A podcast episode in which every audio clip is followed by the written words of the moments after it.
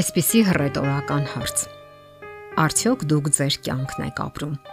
Միգուցե եւ անսովոր հարց։ Երբևէ մտածել եք այդ մասին։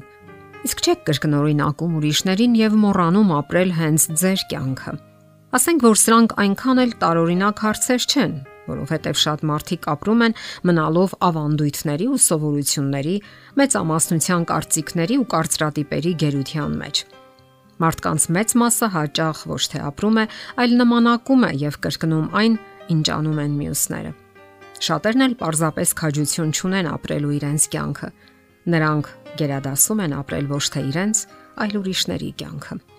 որովհետև այդպես եւ հեշտ է եւ հարմար եւ անվտանգ եւ վերջապես դրա համար այս աշխարհի ուժեղները կերակրում են իրենց եւ այն էլ ոչ ված։ Ասենք որ այս թեման կարող է օգտակար լինել բոլորին, թե մեծահասակներին, թե երիտասարդներին եւ թե անգամ երեխաներին։ Թեև նկատենք, որ բոլորից բնական ու անկաշկանդ այս աշխարհում ապրում են հենց երեխաները։ Նրանք ավելի քիչ են կաշկանդված պայմանականություններով ու ձևականություններով,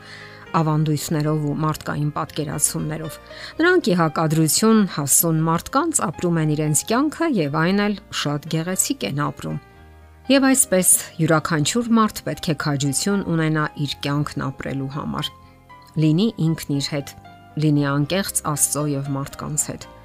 Ստախոսությունը, կեղծավորությունը կամ նենգությունը դեռ ոչ մեկին երկար կյանք չի ապարգևել։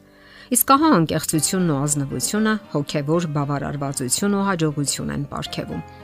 Շատ մարդիկ ապրում են զգույշ եւ շրջահայաց Դա անկասկած լավ է, սակայն առանց որոշակի ռիսկերի կյանքը նույնպես հաջողություն չի ապահովում։ Շատ քրիստոնյա հավատավորներ Աստծո կամքի իրենց որոնումների մեջ հավատի խոշոր քայլեր չեն անում։ Նրանք եւս վախվորած ու կաշկանդված են։ Պետք չէ վախենալ։ Վախը կաշկանդում եւ ջլատում է մարդկային ուժերն ու հնարավորությունները։ Դուք վախենում եք նոր հնարավորություններից։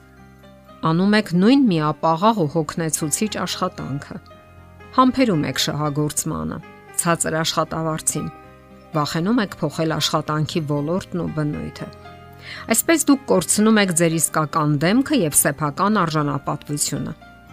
Այսպես դուք երբեք երջանիկ չեք լինի։ Ընթակառակը մի օր կնկատեք, որ դարձել եք ուրիշների կամակատարն ու ծրագրերի կատարողը։ Մինչ նրանք վայելում են իրենց կյանքը, ապրում գոհ եւ մեծ գումարներ են վաստակում, Դուք բավարարվում եք մնացորդներով եւ նրանով, ինչ ողորմած աբար թողնում են ձեզ։ Համարցակ եղեք։ Համարցակությունը ինքնավստահություն չէ։ Շատ ինքնավստահ մարդիկ սայթակում են, որովհետև ճափից ավելի են վստահում իրենց մարդկային սահմանափակ ուժերին։ Իսկական համա Իսկական համարցակությունը դա համագործակցությունն է Աստծո հետ։ Աստված գիտի անհամեմատ ավելին, քան մենք կարող ենք անգամ պատկերացնել։ Իսկ հաջողությունը միայն գումարներ վաստակել չի նշանակում։ Շատ խարդախ ու խափեփ համարթիկ են հարստացել անօրինական ճանապարներով։ Սակայն դա դեռևս չի նշանակում, որ նրանք երջանիկ են եւ հաջողակ։ Նյութական ունեցվածքը դեռ ոչինչ չի նշանակում։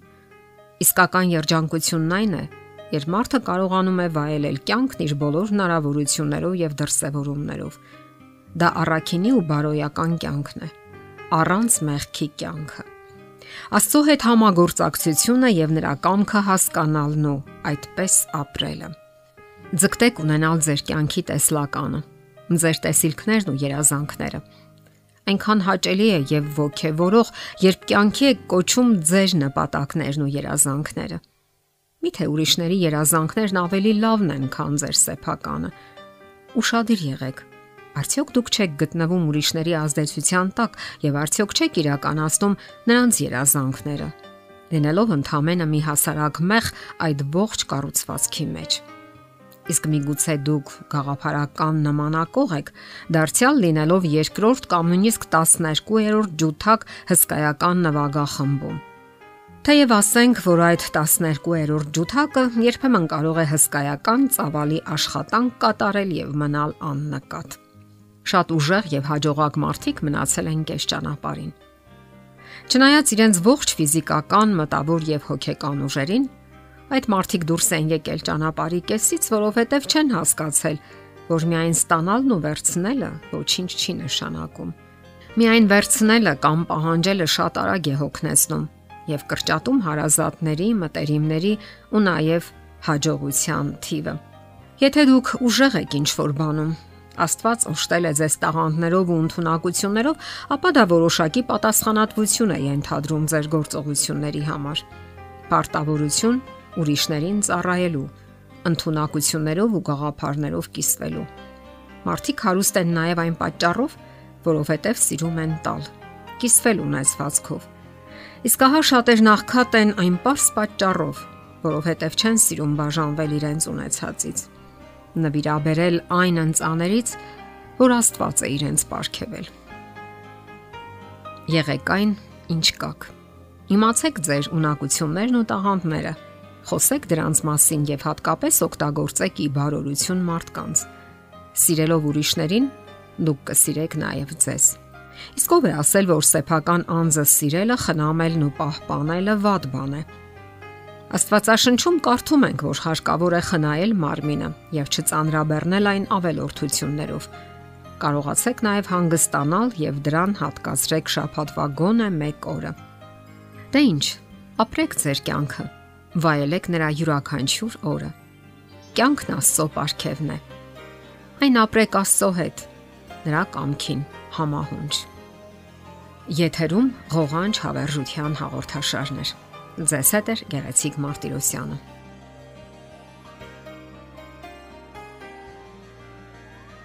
Հարցերի եւ առաջարկությունների համար զանգահարել 033 87 87 87 հեռախոսահամարով։